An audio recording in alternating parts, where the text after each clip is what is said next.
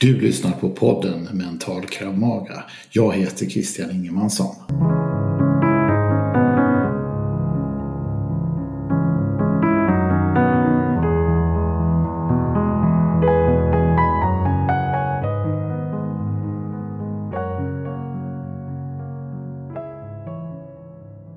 Idag har vi en riktigt spännande och intressant gäst i podden, Stefan Dejemyr.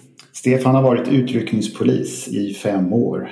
Han har jobbat som insatspolis alltså på, i piketen i tio år.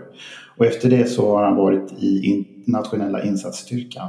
Eh, både som operatör och som chef. Och sedan 2016 så jobbar han i säkerhetsbranschen i det civila. I Krav så är ju kärnan problemlösning under mycket hög stress och då är Stefan en väldigt intressant person att försöka få bra tips och, eh, och så ifrån. Så jag vill hälsa dig välkommen hit, Stefan Deimur. Tack så mycket Christian, tack så mycket. Eh, om vi börjar med, hur, hur, hur var du att vara utryckningspolis? Ja, det börjar ju bli ett tag sedan, så det är en bra fråga. Det eh, rättare sagt 30 år sedan jag började på Polishögskolan, precis fyllda ja. 20. Och eh, ganska ung klev jag ut och var då färdig polis, eh, 22, någonstans mellan 22 och 23 års ålder. Jag fick eh, förmånen att eh, jobba ute i Täby polisdistrikt norr om Stockholm. Lite landsortsdistrikt var det på den tiden, även om det är en förort i sig. Och eh, det var eh, lite allpolistjänst. Man fick göra lite utav varje. Och, eh, det var en bra ska jag säga, inskolning för en ung oerfaren pojke som skulle bli man i uniform. Om man får säga det. Ja, just det. det är ett roligt uttryck. Det, om man skulle liksom föra över det till eh, läkarvärlden där jag jobbar. Det skulle bli lite distriktsläkare, eller? Ja, men ungefär så kanske man kan se det. Det, det var ju väldigt varierat. Det var ju Mm. Eh, ena dagen var det viltolyckor, andra dagen var det otäckare delar som självmord uppe i, på landsbygden i en mörk sommarstuga. Till eh, mm. bråk inne i stor, större inomhuscentrum som Täby centrum till exempel. Eller, ja, och så vidare. Det var mycket variation. Väldigt bra i alla fall. Ja, ja det låter precis som en distriktsläkare då ja. Mm. Eh, varför valde du att bli insatspolis då? Ja, det var det är ju också en bra fråga. Så eh, det som egentligen så här med eh, eh, efteranalys var en väldigt bra skolning då hos Täbypolisen var väl också baksidan på det hela var väl att det var lite kanske lite långsamt tyckte jag. Jag ville in till storstadspulsen inne i stan och jag såg väl framför mig att på piketen i Stockholm som insatspolis, där får man vara med när det verkligen händer. Och det var både spännande, lite tufft och utmanande inte minst. Har det visat sig också i efterhand drivs väldigt mycket av att utmana både mig själv och utsätta mig själv för situationer där jag verkligen får stretcha lite grann på, på både min kunskap och mina känslor och förmågor. Så att säga. Så du vill testa gränserna och se hur långt du kan komma och bli så bra som möjligt eller? Ja men det var väl det som, det, det är ett ganska ordentligt testförfarande till piketpolisen och var det på 90-talet när jag sökte dit också. Mm. Det var det som utmanade plus att eh, jag hade idrottsbakgrund och det var mycket träning och man fick arbeta mycket i grupp med varandra och stå upp för varandra precis som man gjorde på fotbollsplan som, som jag eh, var van att göra och jag tyckte det där var tilltalande och såg framför mig att det här skulle passa mig. Och det, det gjorde det verkligen också. Om du jämför stressen som utryckningspolis och stressen som insatspolis. Var, var, var, var det mest stress eller var det på olika sätt? Eller hur, hur ska man liksom fånga det? Ja, det där är en intressant fråga. När man jobbar som utryckningspolis, alltså i en radiobilspolis, så är man ju oftast två personer. Och eh, ja. Eh, ganska långt till närmsta backup, om du får säga så. Särskilt i ett litet förortsdistrikt där det inte var speciellt många som jobbade samtidigt. Och det ställer ju en hel del krav och ibland blir du ensam och utsatt så att säga. Och, och det är klart att i vissa situationer, de här hotfullare utav situationerna, så så är det klart att stressnivån gick ju både nu och då upp i ganska eh, höga nivåer och när man, dessutom inte, när man dessutom har med sig bakgrunden att man får klara sig själv ganska länge innan man får hjälp så kan ju det både skapa inte bara stress utan rädslor och osäkerhet på annat sätt också. Då. Så eh, det är, det är en, en typ av stress. Tittar du på den du har när, när du jobbar på insatspolisen och inte, i synnerhet med piketpolisen som den såg ut på den tiden när man egentligen både var en backup till radiobilspolisen ute på gatan eller gjorde insatser mot farliga kriminella, inte sällan med vapen och hotfulla beteenden och så vidare. Då, då var det ju av och på på ett lite mer eh, tydligt sätt. Att eh, du gick från, från att vara ganska lugn och sen så gå upp i en form av eh, adrenalinfylld stress tillsammans med andra. Men det var, ska, man, ska man mäta stressen i form av osäkerhet och rädsla så är den betydligt of, mer ofta förekommande i de erfarenheterna jag har med mig från radiobilspolistiden än de från piketen faktiskt.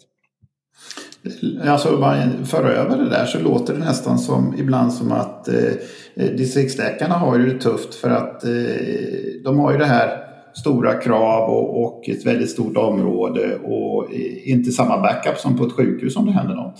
Ja, men så är det ju verkligen och det, den, den vardagen lever ju eh, svensk polis med idag också. Det, det, det finns helt enkelt för få poliser ute på gatan och väldigt många blir hårt ansatta. Och, och det kopplas ju till både stress där du är här och nu men också mm.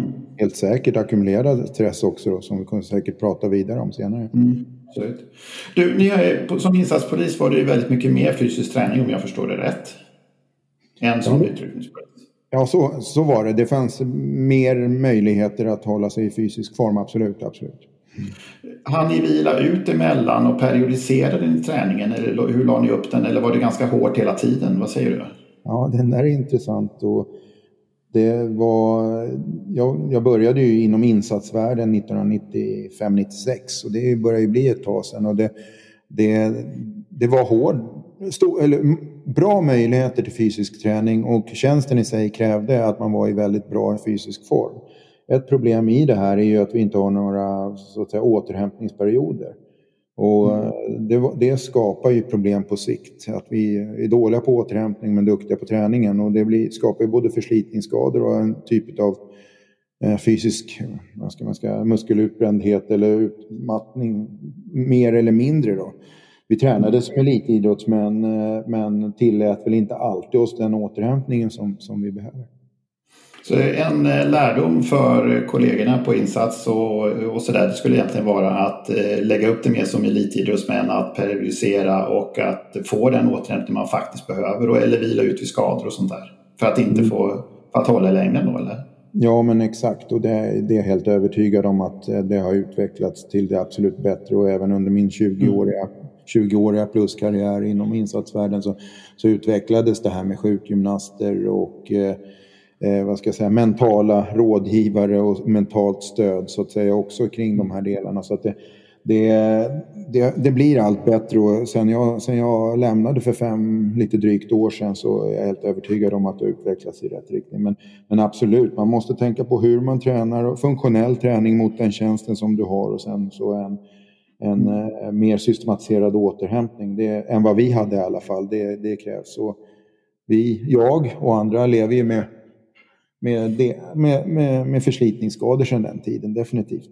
Mm. Mycket låg på eget ansvar, så kan man säga. Och, ja, självrannsakande så körde väl jag lite för hårt emellanåt också då, i, i, i den känslan som jag hade i mig att hela tiden ha lite överkapacitet mot vad egentligen krav, det som ställdes. Då osårbar kroppsligt så att säga. Mm. Ja men exakt.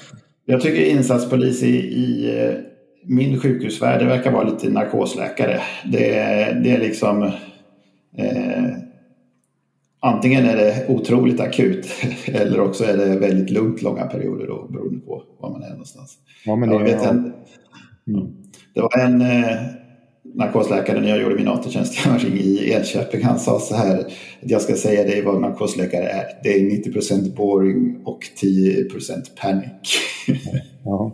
ja, men det stämmer faktiskt rätt så väl överens. Det, det, det, det, är klart att det fanns perioder utav väntan och sen så fick man växla upp till 100 emellanåt. Och det, det är varken så hälsosamt fysiskt eller psykiskt, något utav det där. Och det, det, men det är ju lite tjusningen med det hela också på något sätt. Mm. Du, det här i en eh, krissituation, alltså man har en patient med hjärtstillestånd som kommer in till exempel. Eh, jag har ju ett, ett eh, bra exempel från min AT-tjänstgöring där. Eh, I samband med det så, så var det en ung eh, kvinnlig läkare som så rapporterade om att det kommer in en 45-årig man med hjärtstillestånd. Och då hade man sådana här minikoler då så att hon sökte förtvivlat efter sin bakjour. Och så kom ambulansen och så pep det i ambulansen, då var det han. Och så kom han in då med hjärtstillestånd och överlevde inte. Så det var ju liksom en tuff... Men det här med taktisk andning, att man ska liksom andas in djupt, hålla andan en stund, andas ut lite långsamt. Är det någonting som du har testat eller i sådana situationer?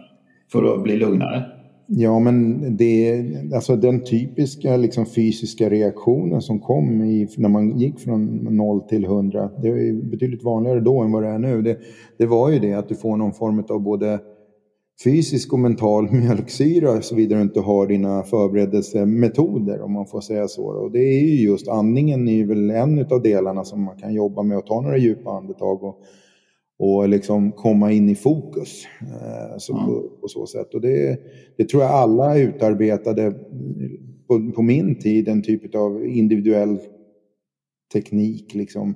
Hur gör du för att hålla dig lugn innan du eh, slår in den här dörren och där innanför vet du att det står en skjutberedd gärningsman. Mm. Och um, det, det är antingen, ja, man jobbar ju med så att säga lugnande med, med, alltså individuellt lugnande metoder men sen är det också triggers. Hur kommer du igång? Sen växla från ett lugn till att gå in i 100 så att säga in, in genom dörren. Och det, det, det där är ju mycket av den, mycket mental träning. Det är svårt att beskriva riktigt hur man gör men andningen är ju förstås viktig i det där. Ja, för eh, hos en del tror jag att den, eh, tankarna går ju snabbare när man får adrenalinet. Och så får man en, en känslomässig upplevelse. Men man får ju också en känslomässig upplevelse i kroppen. Alltså att man, man kan bli rädd av sin egen eh, ökade andning och sin egen puls. Så att det liksom kan skena. Så att, och lugnar man då ner någon av faktorerna så, så kan det liksom dra med sig de andra på något sätt. Det, det fanns ju inte riktigt den här systematiserade vad ska jag säga, andningsträningen eller eh, den, den sidan jobbade vi inte riktigt med på det viset då på den tiden. Men det som var det positiva med att vara, känna sin kropp väldigt, väldigt väl, träna fysiskt väldigt, väldigt mycket, det var ju att du känner exakt när du går upp lite, lite grann i puls. Vilket gör att du mm. Eh, så att säga motverkar med egna med egna verktyg och medel för att ta ner den här pulsen. Och det, det lär du ju i dig. Jobbar du mycket fysiskt med din kropp så vet du så fort någonting går lite utanför. Och det var ju, det som, det var ju en deleffekt av den fysiska träningen. Sen behövde vi förstås vara starka, snabba och smidiga emellanåt också. Mm. Mm. Eh, om vi då går över till eh, din tid i nationella insatsstyrkan. Hur länge var du operatör där jämfört med chef?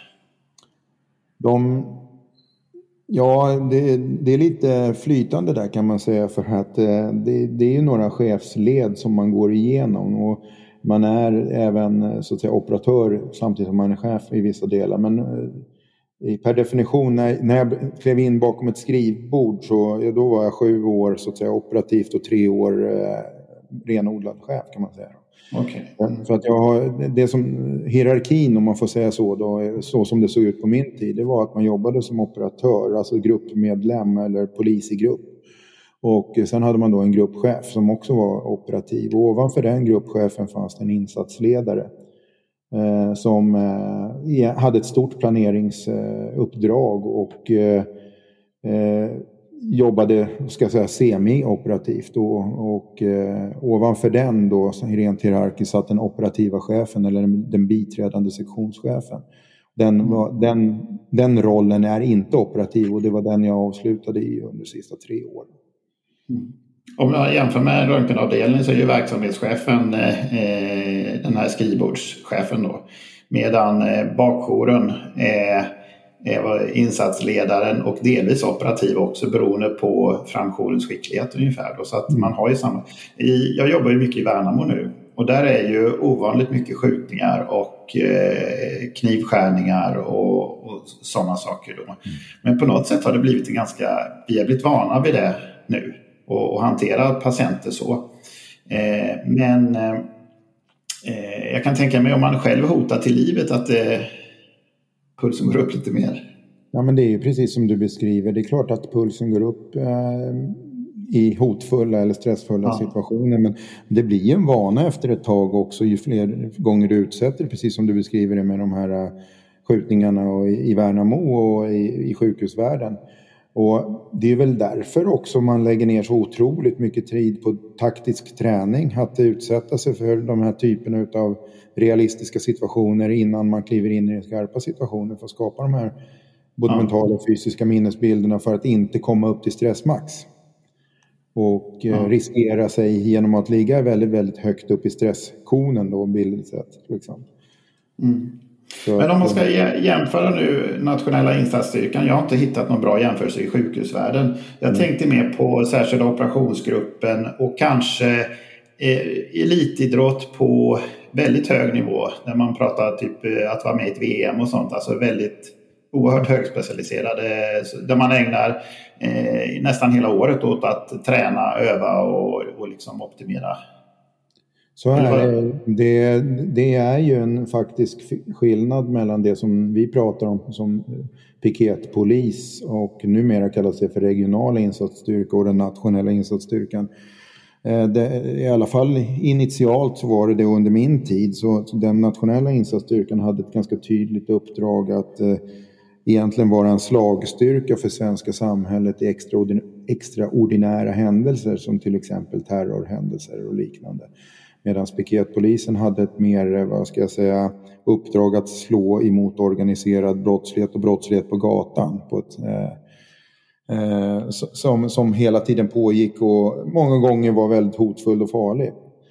Eh, sällankommande händelser eller extraordinära händelser som, piket, eller som nationella insatsstyrkan tränade inför. De är inte, tack och lov inte så vanligt förekommande vilket gjorde att man, det fanns mycket tid att optimera sin kunskap emot och det krävs också för att kunna lyckas i en sån insats. Mm.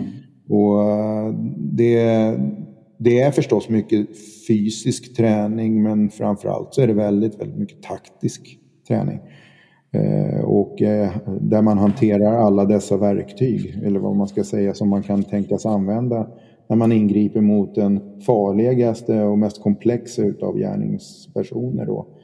Eh, som, som, som jag enkelt liksom kan beskriva som den som ska spränga sig själv utan egentliga syften mer än att bli martyr. Så.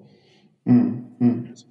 Det, är, det är den stora skillnaden lite grann på, på uppdraget kan man säga. Och det, det som förenar de uppdragen i de olika typerna av styrkor då är ju egentligen gärningsmannens farlighet. Mm. Och som också då skapar, eller ställer otroliga krav på, på, eh, på den som står på andra sidan uniform, alltså andra sidan pipan åt andra hållet om man säger så, polisen i uniform. Mm. Och det, men eh, det, det, det, är skillnaden. Eh, insatsstyrkan var inte riktigt lika operativ när jag började där som piketpolisen var. Hade mer tid för taktisk och taktisk, fysisk och vapenträning kan man säga. Mm. Mm. Jag har ju tränat en del kampmaga. Mm. Och jag tycker, jag vet inte, har du erfarenhet av just den närkamps... Ja, det var väl, eh, eller det är den, eller var ska jag väl säga, jag har ingen aning om vad som arbetas med idag som en, en grundfilosofi. Men det var ju grundfilosofin i den, det polisiära självskyddet kan man säga. Mm. Det kan man.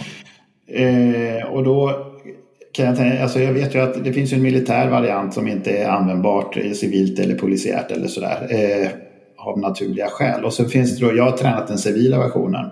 Och sen finns det då en, en polisiär och så finns det en tredjepartsvariant. Eh, Men det som var fascinerande tyckte jag var att, att eh, situationer som skulle gjort mig helt låst innan jag började träna så, så plötsligt började man se att det fanns ju ett spektrum av åtgärder man kunde göra och man kunde liksom eh, eh och jag kan, är det likadant om man eh, hanterar farliga personer och sådär? Att man, man lär sig liksom att det finns ett spektrum av grejer man faktiskt kan göra? Ja, men det är väl egentligen det som all typ av träning syftar till. Tänker att vi, vi, vi eh, gjorde metaforen att vi alltid skulle kliva in i varje situation med ett halvfyllt vattenglas. Att vi hela tiden skulle ha så pass låg stressnivå så att vi skulle kunna ha mental beredskap och möjlighet att agera ifall att eh, händelsen utvecklades i en riktning som vi inte kunde förutse. Och precis likadant är det ju fysiskt. Att, eh, att man hela tiden ska ha den kapaciteten att kunna så att säga, förändra sig ifall att eh, motspelaren väljer att spela en annan typ av eh, taktik än den vi förväntar oss helt enkelt. Alltså ett, ett, en adaptiv respons då så att säga till eh, händelseutvecklingen. Mm. Ja, men exakt så. Mm. Men det, det, är ju också så jag tyckte inom Kramaga-träningen att, att först lär man sig tekniker och, och ganska fort lär man sig en, en mentalitet att eh, antingen ger man plånboken och går därifrån eh, till den som har kniv, vilket är den bästa responsen. Mm. Till att man eh, väljer att anfalla den som har kniv på en gång därför man vet att jag är instängd och det blir inte bättre så här. Och jag räknar med att bli skuren i armarna och så vidare. Så att mm. man är antingen extremt... Eh, eh, man kan ha tålamod ibland och man kan försöka fly ibland. Men ibland är man extremt aggressiv istället då så att säga. Ja, men precis. Och det, det är ju, det är ju Kramagas alla tänkbara filosofier, eller vad ska jag säga, handlingsalternativ kan man säga. Det som väldigt sällan, eller rättare sagt egentligen vi testas emot, det är ju vilken typ av personlighet vi är. Det finns bara ett läge egentligen i de allra flesta lägena inom insatsvärlden eller eh, om man ska titta på dess typfall. Att mm. det är bara en full fart framåt. Det finns aldrig någonting bakåt. När vi väl har beslutat om att göra en insats då då finns det ingen annan väg än, än framåt och egentligen, får jag kalla det, avsluta händelsen så fort det bara går. Eh, mm. För alla inblandade säkerhets skull. Och mm. det är därför man egentligen har ganska omfattande tester till de här enheterna för att egentligen se vilken typ av personlighet du speglar eller visar när du är i ett eh, väldigt ja, utmattat och stressfyllt fyllt eh, liksom, tillstånd. Mm. Och det är väl, eh, ja, pratar man fight, flight and freeze liksom, så är det väl fight-personligheter som du egentligen vill hitta där. Mm. Mm. Och det är väl det som förenar personligheterna. Sen, sen är det otroligt massa olika personer och personligheter på de här ställena. Det är väl det som gör mångfalden och, och helheten. Men det som förenar den är att man är väldigt...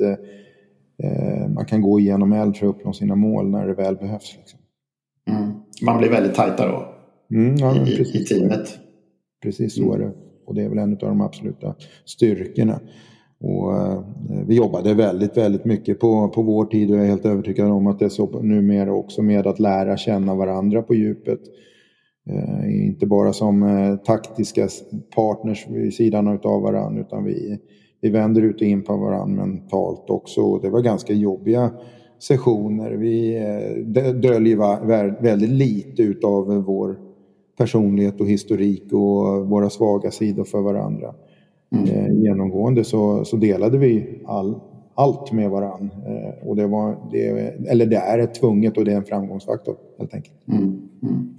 Det kan jag inte se i sjukhusvärlden på samma sätt alls eh, faktiskt. Just de delarna. Utan man är mer individ, alltså individer. Jag har ju inte så många röntgenläkare på plats. Jag är bara, det är bara jag. Mm. Du, jag tänkte ta upp med det. Jag, jag hörde en podd som var så himla bra om hur hjärnan fungerar och hur vi fungerar. Mm. Man delade in det i aphjärnan, professorn och autopiloten. Och aphjärnan det är då liksom den känslomässiga delen och där finns snabba, väldigt ogenomtänkta beslut ur ett logiskt synvinkel men de går jäkligt fort då. Eh, Eh, ett, barn, ett aktivt barn, då är det aphjärnan man ser. Professorn, det är en mycket välkontrollerad person som tänker steg för steg långsiktigt. Vilken bil ska jag köpa? Ja, jag tar inte den där röda coola som jag vill ha egentligen enligt aphjärnan utan det blir herrgårdsvagnen med eh, det motoralternativet för det är sannolikt att det håller bäst de närmsta tio åren enligt råd och rön. Alltså steg för steg. Eh, viljestyrka finns också i den här professorn då. Så professorn ska lite grann tämja den här aphjärnan och, liksom, eh, och så då. Eh, och Eh, problemet med den här professorn är att han funkar inte under stress. Ju högre stress så kopplar man bort det här smarta tänkandet, eh, det högfungerande då. Och det andra är att eh, det blir en utmattning, alltså det, volymen arbete som den här professorn klarar blir väldigt begränsad då. Så att man, så är man ny på jobbet så märker man att man blir svintrött och man kommer hem utan att man har gjort mm. något. Liksom. Det är för professorn är utmattad. Mm, mm. Eh, sen har man den här autopiloten tycker jag var så intressant att höra därför att eh, många saker man gör kan man, som att köra bil till exempel, man, det, det, gör man med autopiloten efterhand och så sitter man och tänker eller lyssnar på en podd eller pratar med någon tills någonting händer och då växer man upp och så kopplar man in professorn först då. Mm, eh, och då tänker jag mig lite grann så här att en en insatsoperatör eller en operatör i, i nationella insatsstyrkan tränar med professorn väldigt många eh, olika scenarier så att autopiloten är extremt vältränad. Ja, på att det... hantera, alltså hantera eh, block av situationer eller vad ska jag säga. Men det, är, det, ja, men det, är, det är bra bildligt skrivet där med, med professorn och autopiloten och aphjärnan för att det det är ju, allting handlar om att eh, fatta rätt beslut i rätt lägen och göra det under hög stress. Och det, det där, då lägger vi ner väldigt, väldigt mycket träning på att fatta väldigt många olika beslut hela tiden i extremt svåra, tidskrävande och avgörande situationer.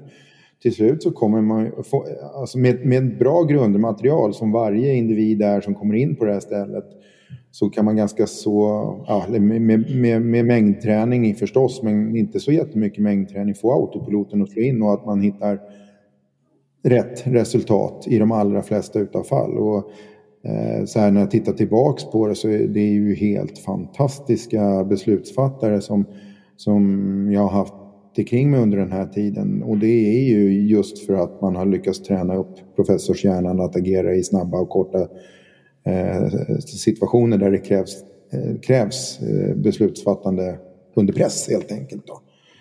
Så att det, jag tror att nyckeln till framgång ligger i att man har, ett, har ett bra grundmaterial så att säga. Att man, man mm. att man, man, har, man har det i grunden och det är säkert genetiskt. Det, där, det kan, ska jag inte ge mig in på. Men sen, sen också att man, man tålig för rätt typ av träning och bygga upp den typen av minnesbank.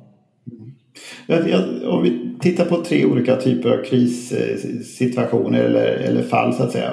Fall ett då. Om man är mentalt oförberedd, lite mentalt svag och inte har gjort en massa planering och tänkt igenom och har autopiloten, ingenting i autopiloten. Och plötsligt så blir man enormt stressad så professorn slås ut och så står man där med en aphjärna. Hur, eh, i praktik, vad händer då? kassörskan eller kassören som eh, blir hotad med ett automatvapen. Vad händer med dem? De tar ju ett antal fel beslut till att börja med och jag tror att det är, det är oftast då det händer situationer som där de själva blir drabbade. Det, inte sällan så blir man passiv kanske. Mm. Och eh, inte sällan så tar, fattar man fel beslut eh, just i den här hot, riktigt hotfulla Eh, situationen så kanske då den personen som, som blir hotad väljer att angripa trots att de inte har förmågan att angripa den som med vapen eller annat kliver emot den. Man har helt mm. enkelt inte tillgång till sin rationella hjärna och sitt beslutsfattande. Mm. Men och jag tänker mig om man för över det här resonemanget till eh, en, en maximal kris i livet till exempel. Att man skiljer sig, tappar kontakten med sina barn och blir ekonomiskt utfattig samtidigt och får en trippelsmäll. Och då eh, när jag råkade ut för det då så blev jag enormt kaotisk i mina tankar. Skenade, åt inte, drack inte, eh, liksom, tog inte hand om basfunktioner eller någonting. Så innan jag så småningom lärde mig att jag måste ju göra så här. Så att man blir väldigt dum där, det håller jag verkligen med om. Mm. Och det den... händer den bästa skulle jag nog säga. Det är liksom när, när alla de här delarna liksom slås ut samtidigt. Det är ja. klart att eh, då, då är ingen stark. Och det är väl, eh, kopplar man det mot den tjänsten som, som vi var, var ju den incheckningen varje dag inom citationstecken, alltså incheckningen, den var ju otroligt viktig. Var står vi idag och vad har vi för förutsättningar för att kliva in i de situationerna som vi vi arbetar emot. Liksom. Mm. Så att vi, det gäller att ha väldigt, väldigt koll på varann och det är väl det som egentligen handlar om teamwork, att hela tiden se, mm. se sin, sin grupps eh, dagsform, veta deras eh, lägsta nivå och hur de agerar när de är som sämst. Liksom. Eh, ja, till exempel någon som har en dålig relation och nästan eh, ligger i skilsmässa. Mm. Att det är kanske inte är den personen som ska fatta beslut om man ska eh, gå in med vapen eller inte i en viss situation eller så. kanske. Mm. Men det är intressant att jag aldrig stött på det här tankesättet inom sjukvården eller så överhuvudtaget. Trots att det, det, våra beslut handlar ju om liv och död, även om det kanske inte är då för oss själva, så är det ju ändå för andra som... Mm. Och jag tycker att de här liv och dödbesluten har blivit vanligare och covid var ju en sån period naturligtvis. Men jag tänkte jag skulle prata mer om covid i ett, ett helt mm. program då tillsammans med någon narkosläkare som, som verkligen var med. Så det blir intressant. Då. Eh, vi tar fall nummer, mm. Om vi tar fall nummer två med de här krissituationerna. Det är att eh, jag är narkosläkare och jag är på jobbet och jag har mina kläder på och det blir ett hjärtstillestånd det är inte så märkvärdigt. Men om jag är på stan och eh, tillsammans med min fru och barn och sen så plötsligt så är det en lastbil som kör in i 20 skolbarn som står där. Då blir det lite värre. Mm, så är det. Så är det. Och det, det, den, det där är väl, det går att göra väldigt tydligt, eller det blir tydligt för mig i alla fall, att den här uniformen som man har på sig eh, alltså den polisuniformen som radiobildspolis eller insatsuniformen som insatspolis eller den mentala uniformen som man sätter på sig när man kliver in på polisstationen eller i sin roll som polis. Den, den eh, hjälper en på så många olika sätt. Alltså, dels så sätter du igång eh, någon form av din professionella hjärna som har liksom tränats upp för att agera allting. Mm. Eh, när allting sker. Och då är du ju redo när det händer om man får säga så. Och samtidigt också så är det som en sköld emot all den stress och otäckhet som du egentligen kan, som möter dig. Så att du inte ska ha den med dig på, på sikt. Liksom. Du, du, de här otäcka eh, otäcka både, eh, eh den otäcka synen som möter dig den fastnar liksom inte riktigt eh, eh, beständigt utan den studsar bara iväg på något sätt när du har den här uniformen eller är incheckad i din roll. Men däremot så när du inte är förberedd utan du går där och tänker att idag är jag ju pappa på fritiden och helt plötsligt händer exakt samma händelse. Då har du inte den här, då har inte skölden på dig och blir betydligt mer sårbar. Det har hänt mig massor med gånger också. Mm. Ja, jag tycker det är jättestor skillnad. Mm. Men jag tänkte på det här med kramaga-träningen och sånt här och eh, jag håller på med en del äventyr också, paddla kajak på vintrarna och så vidare. Eh, och eh, på något sätt så är det då att när man tränar väldigt mycket fysiskt inför ett äventyr och den fysiska träningen ger då en mental träning att man, man kan fortsätta paddla väldigt länge eller man ger aldrig upp och så vidare. Och så eh, när det då händer något oförutsett så på något sätt så är jag lugnare av att jag har tränat väldigt mycket fysiskt och mentalt. Eller håller du med om det, att, att det är en viktig effekt av den fysiska träningen? Oh ja, och det, det, var det som jag menade lite grann med tidigare och sa att jag hela tiden eftersträvar en typ av överkapacitet. För att mm. kunna känna det här lugnet att jag vet att, eh, att jag alltid har ett litet utrymme kvar och det gav mig ett lugn. Och det känner jag mm. faktiskt fortfarande. Jag är långt ifrån, eh, inte ens i närheten av lika vältränad som jag var då. Men eh, den, vad ska jag säga, erfarenhetsbanken som jag har med mig från den där tiden gör mig otroligt lugn i många situationer idag. Där, som kan upplevas säkert otäcka för de allra flesta runt omkring där jag liksom med, med trygghet kan kliva in i de situationerna utan att stressa upp mig överhuvudtaget. Och det är ju, eh, antingen så ser det ju till att vara i den bra form som krävs och lite därtill för att kunna kliva in där och sen så i takt med att du får med dig väldigt mycket erfarenheter så kan du kanske trappa ner det där lite grann om man får säga så. Det, det, är, väl, det är väl exakt likadant som idrottsvärlden och där man med erfarenhet kan kanske läsa spelet lite, lite tydligare efterhand och inte springa li, riktigt lika mycket. Använda hjärnan lite mer och musklerna då lite mindre. Mm. Mm. Mm. Ja, men eh, om man då har ett lär sig och, och klara att eh, man blir bättre på att klara det oförutsedda genom att inte stressa upp sig för mycket kan man säga. Det, det är lite mm. grann konklusionen av det där. Då. Ja, och eh, jag tänkte på i nationella insatsstyrkan, när man, om man tar eh, amerikanska marinkåren till exempel. De har sådana här drill sergeants och skriker och håller på då. Och det jag tror de gör då det är att, att de eh, tvingar in en massa autopilotbeteenden. Eh, om någon skriker en order så gör man det, men man tänker inte så mycket själv. Eller eh, skydd och så hoppar alla ner liksom typ och sådär. Men om man ska vara intellektuell presterare som man är som röntgenläkare och eh, som eh, insatsoperatör och fatta svåra beslut och snabbt och sådär. Då vill man ju ha så låg stressmiljö eh, stressnivå som möjligt. Men är det, skriker ni eller inte i någonting i utbildningen eller är det, väldigt, är det relativt lågmält och prestera istället? Hur, hur gör man där? Det, det, det, det, ända sedan jag började 95-96 som jag beskrev för er tidigare så, så har det alltid varit en helt annan typ av pedagogik. Det har, det, givetvis i testerna när man söker emot så har det varit en vad ska jag säga, pedagogiken och retoriken har ju varit lite, lite tuff, så får man väl säga, mellan instruktör och utövare. Men, men det, det hör ju kanske lite grann till. När man väl är inne i utbildning och under tjänstens utövande så, så är det långt därifrån skulle jag säga. Det är ett helt annat klimat för att egentligen uppnå sina syften. Det, det är, eh, däremot så är det repetition, om man får säga så. Alltså repetition är väl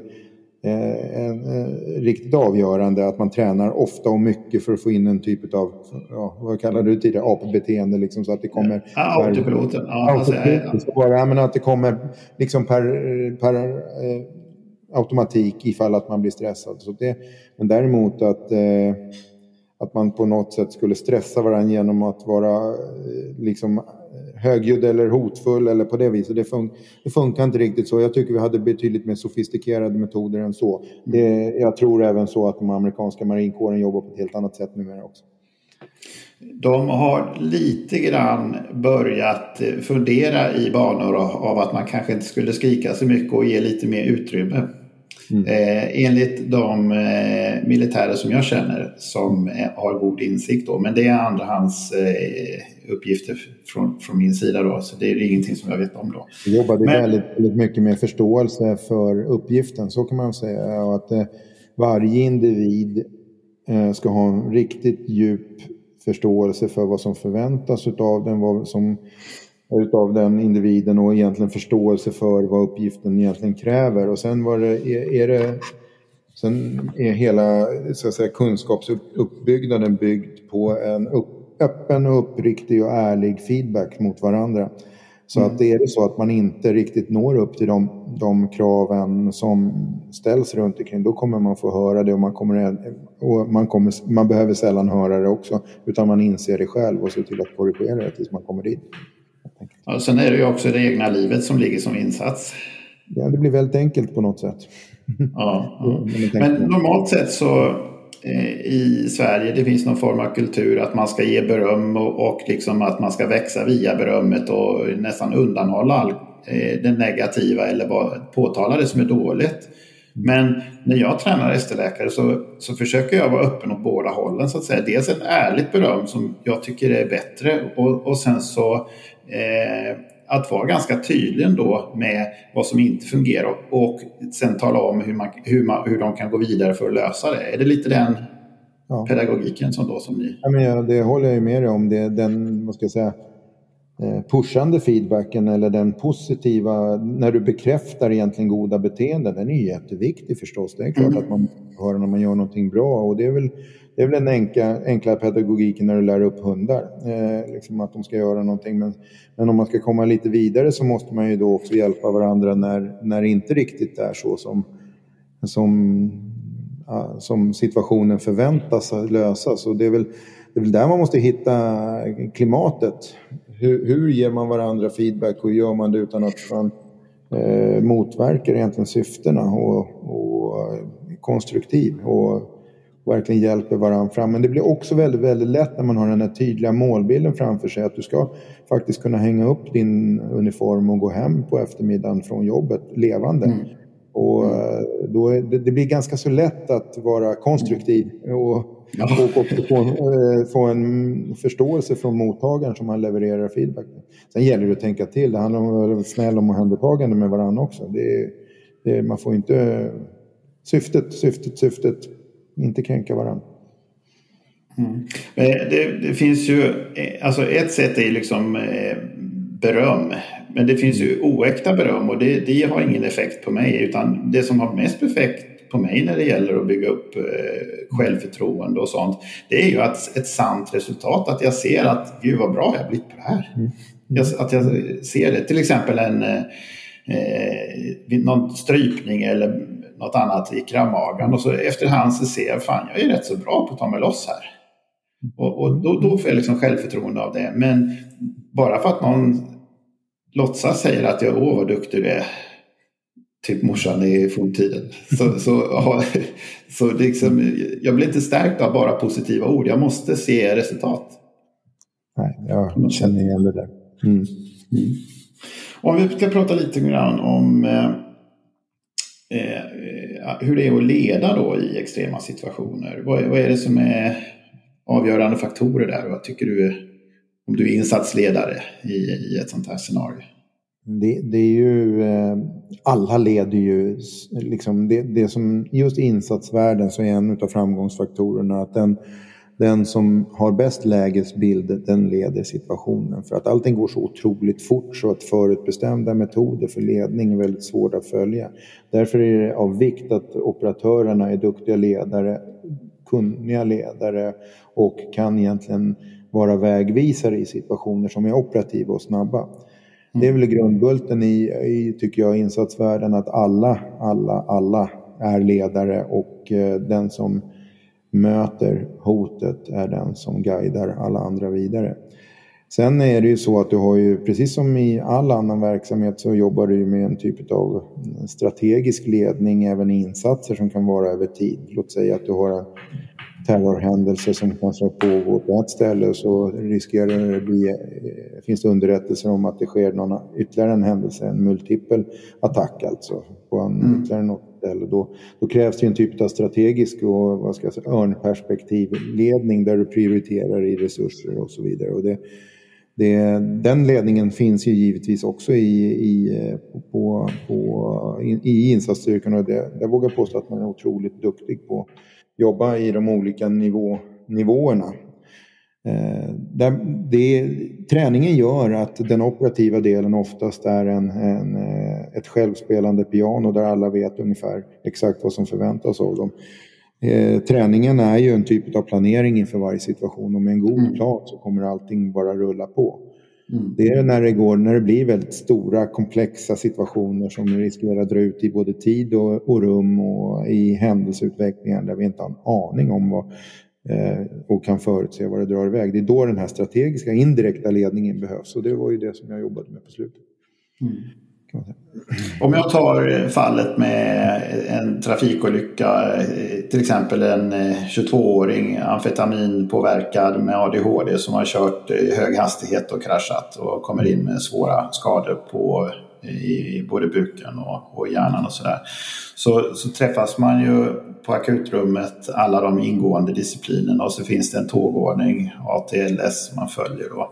Så det liknar ju lite grann det här. Och sen så beroende på hur det utvecklar sig så blir det ett samspel mellan kirurgen och röntgenläkarna sen vad det är för skador och, och i vilken ordning man gör då. Och narkosläkaren Eh, är ju också inblandad och, och ser till att patienten andas och har blodtryck och så vidare under tiden. Sen kan det hända att narkosläkaren väljer att avbryta på röntgen för att det funkar inte och, må, och att man måste operera direkt och så vidare. Så det, jag håller med dig om att det behövs ingen formell ordning där utan att däremot så är det väldigt bra att man känner varandra, att man vet att det här är en jäkligt duktig person på sitt eller som agerar bra i de situationerna och sådär. Mm, exakt. Det, det, är väl, ja, det är väl egentligen led, ledning eller vad man ska säga i, i insatssituationer. Det, det, det krävs ju mer från ledaren ifall att eh, gruppen inte är samövad och kunnig. Så kan man säga. Och, och, mindre från ledaren, i alla fall den operativa ledaren, om, om man har en samövad och samtränad grupp. Så det har ju lite med utbildningsståndpunkten att göra. Och det är också vilken, vilken, hur väljer du att leda? Eh, vi pratade ju alltid mycket så kallad uppdragstaktik, att vi, eh, vi, vi, vi, ställer bara tydliga mål. Det här är vad vi vill uppnå. Vi vill komma, enkelt sett, vi vill komma hem levande från, från den här insatsen och, och det är väl det övergripande målet och sen därefter så får de agera i den andan, ungefär så. Väldigt billigt kan man säga. Ibland kan jag bli lite trött när eh, en, det, skrivs PM och saker med rigida rutiner och sånt där av, människor som inte har ägnat sin tid åt operativ verksamhet. Det kan bli väldigt eh, förenklat och, och, så täcker man några enstaka typfall och så kommer verkligheten sen som visar sig vara en, en, annan version mm. av, av det hela där inte de här reglerna är tillämpbara. Och, och då krävs det djup kunskap och där måste man ha erfarenhet och tränat väldigt mycket för att kunna hitta de lösningarna då. Känner du, du känner igen det eller? Absolut, absolut. Ja, men det känner jag verkligen igen. Så är det. Mm. Okej. Okay. Eh, när du jobbar i det privata och det blir en akut kris i ett företag eller, eller så. Vad är det de liksom, hur kontaktar de? Vad är det som gör att de kontaktar dig?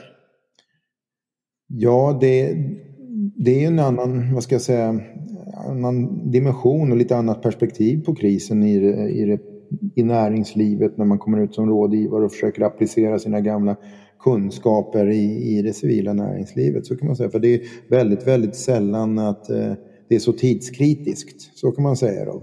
Mm. Dock finns det ju händelser där direkt eh, påminner om de händelserna som vi har suttit och pratat om här nu. Vi har ju situationer som till exempel eh, terrorhändelserna på Drottninggatan där flera av våra kunder eh, drabbades. Eh, en, en av dödsfallen, eller de, den mördade, kan man säga, överkörd, tillhörde ett av företagen som vi jobbade åt. Och det är ju en akut kris i företaget när en av medarbetarna går, dör i en terrorhändelse. Så att det, det, det, finns vissa delar som påminner om det. Men annars så kan ju en en kris ser helt annorlunda ut. Det kan ju till exempel vara ett, eh, någon som utnyttjar sin ställning och drar ekonomisk vinning av företagets pengar och så vidare. Och det kan ju vara en kris och det kan ju vara en, en informationsläcka eller, eh, eller ett i, vad ska jag säga, dataintrång på något sätt också.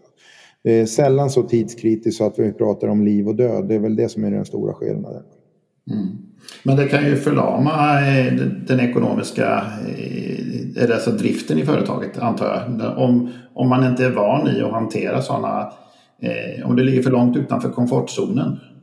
Ja, det är man... precis. Ja, det, och det är väl där egentligen stressen i företaget uppkommer. Det är oftast enorma pengar det här handlar om. Låt säga att man, man får ett driftstopp på en, ett, en större byggarbetsplats eller att för den delen en en galleria blir tvungen att stänga igen på grund av någon händelse och så vidare. Det är ju miljontals miljoner kronor varje timme som, som tickar när allting står still. Så det, mycket av krishanterings eller krisledningsarbetet i civila näringslivet är ju tidskritiskt så tillvida. Men det det, det är sällan att det, det, det, handlar om liv och död utan snarare om ekonomiska värden och att man värnar varumärket.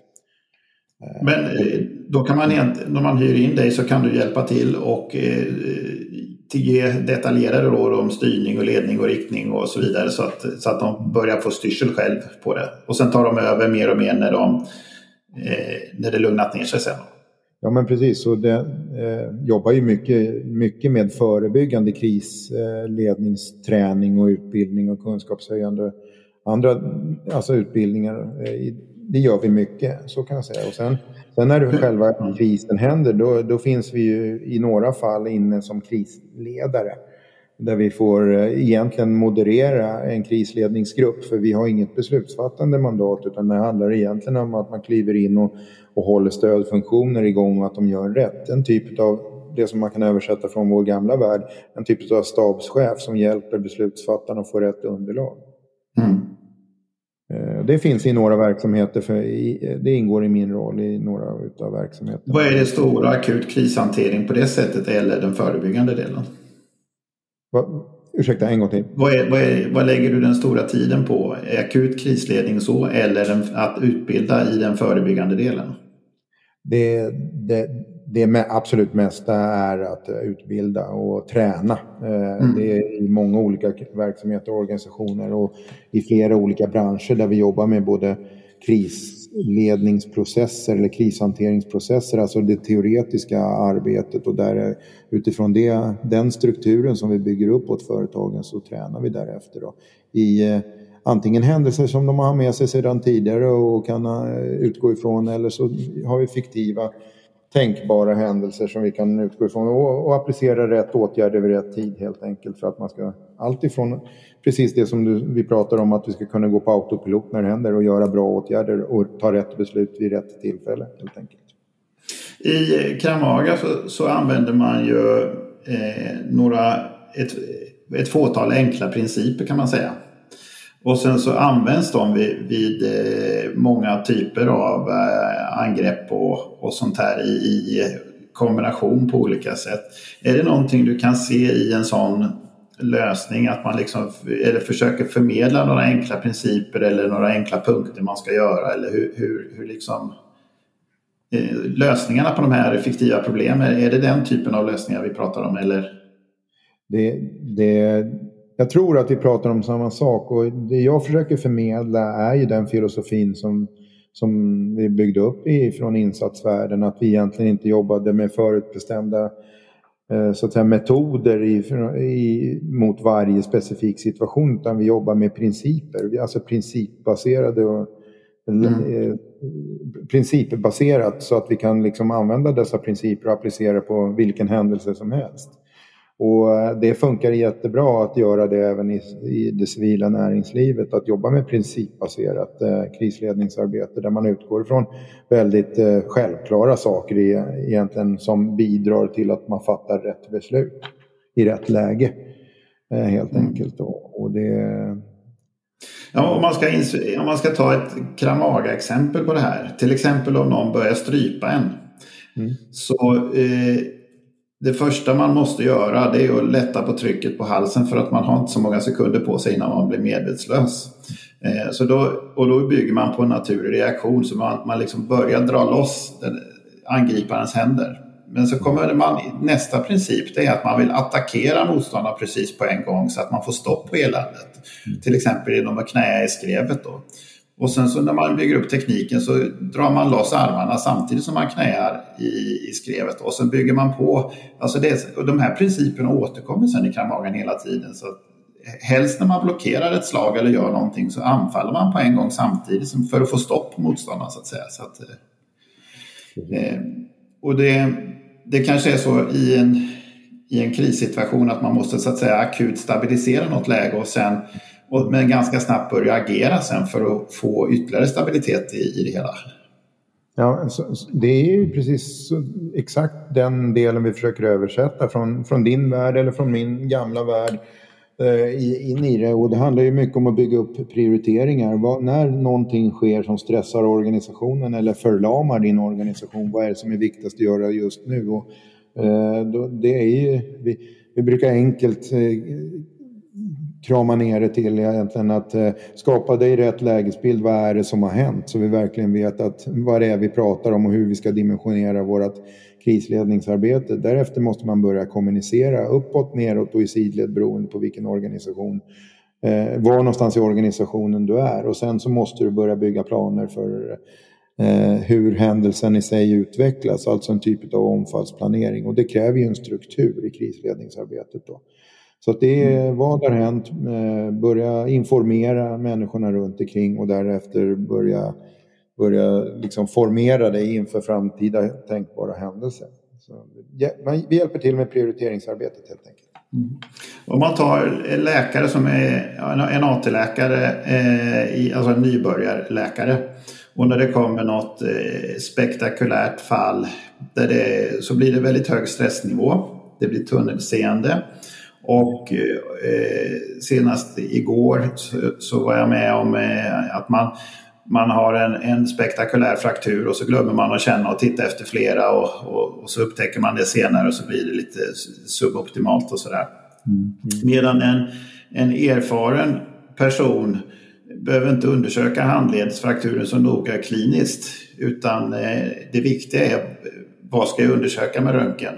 Och liksom känna igenom det. Alltså man gör, samlar in rätt bild och får rätt lägesbild och sen så vidtar man åtgärden och sen så är man ändå trygg att man har gjort de steg man ska efteråt. Då. Mm, mm, precis. Ja, det är väl A och O, att du liksom vet och bildar din uppfattning ifrån eh, vad ska jag säga, relevant inhämtning av fakta som, och situationen så att säga. Så att oftast så, så är ju krisen uppkommen eh, liksom ur felaktig information faktiskt. Så att det gäller ju verkligen att bilda sin uppfattning vad det är som har hänt och sen därefter applicera rätt åtgärder. Så. En annan sak man kan göra som nybörjarläkare det är att man springer iväg åt alla möjliga håll samtidigt och ringer kors och tvärs eh, utom till de man borde ringa och så ger man en ofullständig information. Eh, och så får man råd tillbaks baserat på denna dåliga information och sen så, ja, det blir en soppa av alltihop.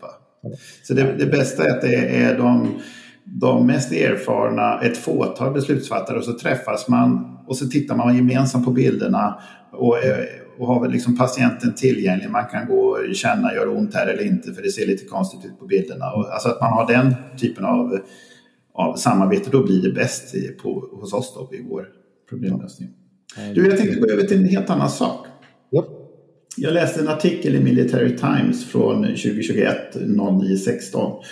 Eh, den handlade om att amerikanska eh, specialförbandsoperatörer har svårt i, i övergången från det militära livet till civila. När de har jobbat 15-20 år. De har ju varit hårt pressade. Och då har man någonting som heter Transition Assistance Program. Och det är Eh, Eh, för att minska självmord och skilsmässor och allt vad det är för någonting. Då. Eh, och då har de problem med något som de kallar operatörssyndromet med sömnsvårigheter och minnesproblem och relationsproblem och, missbruk och en massa saker. Då. Och då har de kommit fram till ett, ett nytt sätt att angripa det här på som jag tänkte be om dina kommentarer på. Mm. Och då i den här artikeln som jag läste så talar man om eh, det är totalstress under lång tid som är ett stort problem. Då, som, plötsligt så går man över någon form av gräns och så fungerar inte de endokrina systemen eller koncentration och det blir någon form av utbrändhet. Då. Mm. Och då talar man om five pillars of resilience för att minska stressen generellt under pågående tjänstgöringstid. Och det är då fitness, finance, family, friends and faith. Och då Eh, i mental kramaga så skäller man ju friskt från alla andra som gör bra grejer. Så då stal jag den här delen. Mm. Och sen så istället för tro så tog jag bort den och sen så tog jag med arbete där för jag tycker det är en sån central del. Och eh, sen la jag till stress också. Jag tror mm. stress... Så det första blir då stress och eh, eh, hälsa i, i, i den första, första delen. Mycket stress kan förstöra allt och dålig hälsa, fitness kan förstöra allt. Håller du med om det eller? Ja men så är det ju. Det, det, det är lite, vad ska man säga, Maslow som du pratar om där. Har du mm. bara åker utan på allting eh, och en bra balans utav det så, så kommer du också klara dig bättre eh, i slutändan. Så det, det, det liksom jag tror att balansen är det absolut eh, avgörande för att klara dig från allt. Eh, och det, vi pratade ju tidigare om fysiska åtkommor och det är precis likadant med de psykiska åtkommorna. Eller åkommorna på, på sikt. Är det så att du inte har, har återhämtat dig och behandlat eh, dina så att säga, stresstoppar, det är klart att du bär med dig problem i mm. fortsättningsvis. För bland de här specialförbandsoperatörerna då, när man tittade på dem, om om de förlorar två av de här five pillars då begår man förmodligen inte självmord. Men om man förlorar tre, står i den här artikeln, då är det eh, klar risk för självmord. Och då tänkte jag så här, om man vänder på det där och säger, om man inte är så dramatisk som det här, men tar det som det de tar fram för, som ska funka i extremsituation och så bygger man det här i sitt eget liv rakt upp och ner. det är de här faktorerna jag ska gå in och systematiskt optimera. Har jag dem som något slags fundament och så självförverkligande och intressen och så vidare liksom är på någon annan nivå. Det är inte lika viktigt när krisen kommer. Det är de här som är viktiga när när livet är riktigt jävligt. Liksom. Det är lite mm. tanken. Tycker du det verkar vettigt eller vad säger du? Ja, men jag tycker det verkar jättevettigt. Och det, det som mina tankar som far genom huvudet när du berättar om det här, det är väl, och när jag reflekterar lite grann på hur vi har jobbat tidigare med, med liksom att vara väl förberedd hela tiden. Det får mig att fundera lite grann på hur man hanterar sig i vardagen som egen företagare i, i näringslivet. Vi jobbar ju alldeles för hårt. Vi, vi eh, tänker ju alldeles för lite på oss själva. Vi stressar alldeles för mycket och, eh, och så vidare. Det är klart att det, det, vi lever inte kanske alltid som, som vi lär då utifrån vad tidigare erfarenheter har givit. Mm. Mm. Eh, jag tänkte om vi skulle gå in på bara några, jag, jag har några eh, konkreta idéer för att eliminera tips. Jag skulle jättegärna vilja höra dina kommentarer till några punkter. Yes. Det, det, funkar? Ja. Och punkt ett, att, att för att minska totalstressen nu då, att försöka eliminera onödig stress och oro. Och till exempel genom att, att bestämma sig för att nu fattar jag beslut och så stå fast vid det och inte vela hela tiden. Ja, det tror jag är eh, att fatta beslut är ju oftast eh, Eh, någonting som gör att stressen går ner.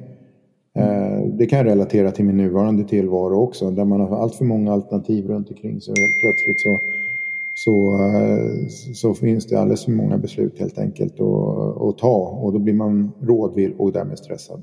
Så det tror jag mycket på. Nummer två, att begränsa mängden stress, alltså i form av arbetstimmar per eh, eh dag och vecka och, och, eller eh, dagens totala mängd stress. Så att man tar hänsyn till idag hur mycket jag ansträngde mig igår. Att man inte bara kör på fullt hela tiden så att säga.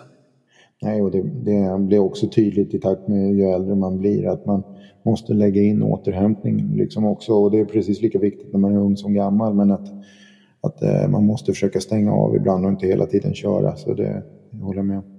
Och nummer tre, att ha en visuell överblick och på något sätt avläsa hur man mår. Och då menar jag någon form av dagbok där man liksom eh, får en överblick över hur mycket jobbar jag, hur mycket tränar jag, hur mycket så att man eh, att man inte belastar med både hård träning och hårt jobb och mycket jourer och eh, stress och, och att man funderar på hur är situationen hemma, är det lugnt och inte? Alltså, och är det någon faktor som är dålig att man tar hänsyn till det?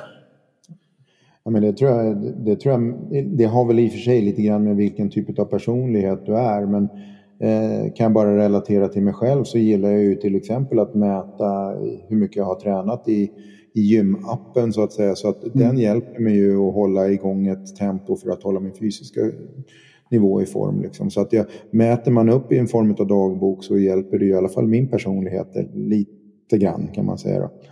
Mm. Och sen så, vad, hur viktig är kosten tycker du? Hur viktig är den i nationella insatsstyrkan att man äter bra mat för att... Eh, ja. Det, ja jag, tror, jag skulle nog säga att den är viktigare nu efter tänkte jag säga. För att där och då så, så har du ju förstås en näringsriktig och Eh, en otroligt näringsriktig men framförallt mycket mat behöver du för att göra med mycket energi eftersom du rör mm. på dig mm. i stort sett hela dagarna. Mm. Eh, och förstås en varierad kost. Eh, det är det, men egentligen kan du stoppa i dig vilket skit som helst, bara det är mycket. Lite grann så kändes det som. För mm. du kan ändå hålla dig i bra form för att du hade sån överkapacitet. Det, däremot vad som är viktigt i det vanliga vardagslivet det är väl att du har en balans i det där och försöker hålla dig liksom, det märker vi ju allihopa att eh, låter vi bli att ja, liksom dricka en månad efter vi kommer hem från semestern, nog tänker vi lite klarare ändå. Och mm. äter vi lite hälsosammare under en tid och går ner några kilo i vikt, visst mår vi så mycket bättre. Liksom. Det, det är mm. bara konstigt att man inte hela tiden håller sig där själv. Liksom. När det är så självklart. Jag tror det är aphjärnan som kommer in och, och men jag, jag, träffade en granne för lite sedan och pratade om den här modellen med henne. Det var jätteintressant. För att, och så tittade hon på mig och så sa hon så här att Christian, mitt problem det handlar inte om professorn. Jag, mitt problem är att jag har för lite aphjärna. Alltså, hon mm. vill göra, göra mer busiga saker och liksom eh, eh, ut och leva livet. Och så var hon så, lite för präktig då. Jag tyckte det var jätteintressant. Ja, det kanske gäller för ganska många. Ja. Ja. Det här med sömn då? Alltså hjärnan behöver ju sömn för att återhämta sig och kroppen behöver, eh, om man nu eh, antingen stressar mycket som påverkar kroppen eller om man tränar mycket så behöver man mycket sömn. Det har jag märkt under perioden jag har tränat eh, mycket. Då. Eh, att inte stjäla tiden därifrån så att säga och, och, och inte använda några sömntabletter och liksom ha utan tvärtom tänka lite grann i, i termer så här att ju mer jag anstränger mig, ju hårdare jag jobbar, desto mer måste jag sova och desto mer behöver jag min återhämtning. Hur ser, liksom, tänker du? Ja, men det är, sömnen är ju som allmänt känt liksom en av de fundamentala delarna. Det är, och jag, alltså, jag tänker så här att jag tror alla liksom förstår det där men sen så blir det ju all, det, det som skiljer oss åt är väl att man har förmågan att koppla av och på lite olika och att man oroar sig i onödan och därmed påverkar saker och ting. Eh, och, där, och i takt med det så kommer en dålig sömn. Liksom. Och det, det, det, det, det är viktigt, det är kanske är en av de absolut viktigaste delarna till återhämtningen, att man sover bra. Jag själv har eh, i perioder haft, eh, haft lite jobbigt med sömnen och det påverkar mig faktiskt jättemycket på, i perioder. Så ska man säga. Ja. Om, man, om man tar en person som har jobbat i, i, i nationella insatsstyrkan i 10-15 år någonting. Mm. Hur mår de som person i allmänhet när man slutar sen? Vad, vad blir, är det några problem eller är det ett stort problem eller litet? Eller? Jag, tror, jag tror så här att eh, det kommer säkert bli värre i takt med att man utsätts med fler, fler situationer som, som får en att nå sitt stressmax. Men vi, vi hade ett väldigt fint system, ett prioriterat system eh, i, i, i, och jämförelsevis med svensk polis och övriga så var vi väldigt prioriterade och med att kunna återhämta oss, kunna ta hand om varandra och kunna vädra ut mellan varje situation. Så att rent mentalt så tror jag att vi bär med oss ganska lite emot vad vi har mött för otäcka situationer. Vi har liksom tagit hand om, mm. haft ett professionellt system. Däremot så jag är inte helt säker på att hela, hela svensk polis, alltså alla svenska poliser har haft samma förutsättningar, i alla fall inte under 1900-talet. Och man bär säkert med sig en hel del eh, otäcka minnen från förr som man inte har bearbetat och som också då påverkar sitt framtida liv. Men eh, just generellt från insatsstyrkans del så tycker jag man har haft en plan, en strategi och, en, handlingsplan helt enkelt som har funkat ganska bra. Så de som kommer ut efter ett antal år, de är i stabil form skulle jag våga påstå. Och mm. jag vet i, faktiskt ingen, eller åtminstone väldigt, väldigt få av alla människor som jag har jobbat med inom, inom ramen för insatsstyrkorna som, som, som mår dåligt eller har problem efteråt. Mm. Sen är vi förstås mer eller mindre slitna i kroppen rent fysiskt. Det är vi. Jag är det själv, men jag är tung och klumpig och det är klart att det är slitigt att träna mycket genom åren och fått ont i knäna och fotleder och allting sånt där. Men eh, eh vi, jag tror att de allra flesta mår bra, mår bra i knoppen i alla fall. Hur lång är du och vad, vad hade du, vägde du när du var i insatsstyrkorna där? Jag är 1,87 lång och jag vägde någonstans mellan ja, cirka 85 kilo under den tiden. 85-90. Och då var du stor jämfört med de andra, eller? På piketpolisen hade vi en lite annan profil. Där var vi ungefär en genomsnitt. Det var ganska stora killar där. På insatsstyrkan så var det generellt sett lite eh, smidigare individer, så kan man väl säga.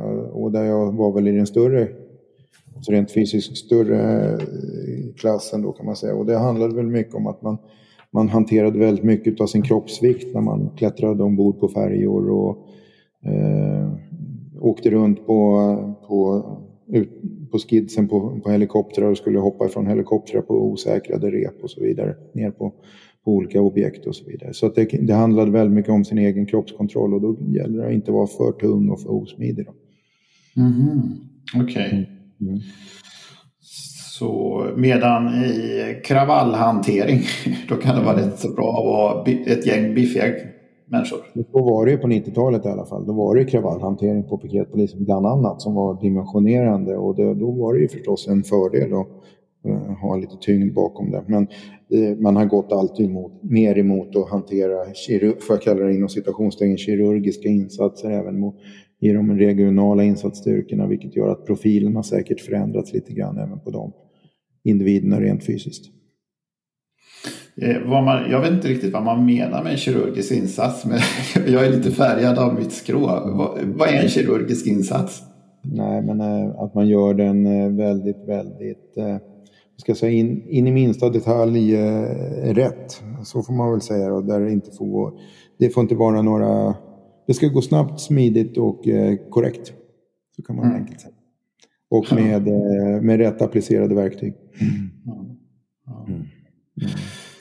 Ja, det har varit jättespännande det här pratet med dig, det måste jag verkligen säga. Är det, någon, är det några bra frågor som jag har glömt att ställa som du tycker att jag borde ställa? Ja, men vi har ju varit inne på, på det som vi, vi kom överens om att vi skulle prata om och det var ju egentligen eh, att ge en, en bild av eh, hur det, lite grann hur det ser ut och hur, hur, vad som krävs och eh, vad som blir efterbörden utav det också. Och det, är, det här är otroligt viktiga frågor som vi har belyst idag så jag tycker vi har liksom träffat rätt på något sätt utifrån det vi pratade om du och tidigare. Och det, en sak som jag tycker är väldigt intressant det är det här att, att identifiera principer och vad ska vi kalla det, djup kunskap inom ett område och sedan att flytta över principerna. Riktigt bra principer kan ofta användas inom många områden och då blir det väldigt intressant och lite kreativt och nytt också på det området man applicerar på. Men så är det ju och det är precis det, exakt det som, som egentligen jag gör i vardagen nu. Liksom. Jag tar med mig alla mina erfarenheter och så försöker jag missionera mm. I, eh, i andra branscher helt enkelt på ett eller annat sätt. Ibland går det bra, ibland går det dåligt. Mm. så kan man säga. Det Om man är ett företag eller individ som behöver eh, hjälp av dem, din, dig och dina kompetens och, mm. och sådär. Hur kommer man i kontakt med dig i så fall?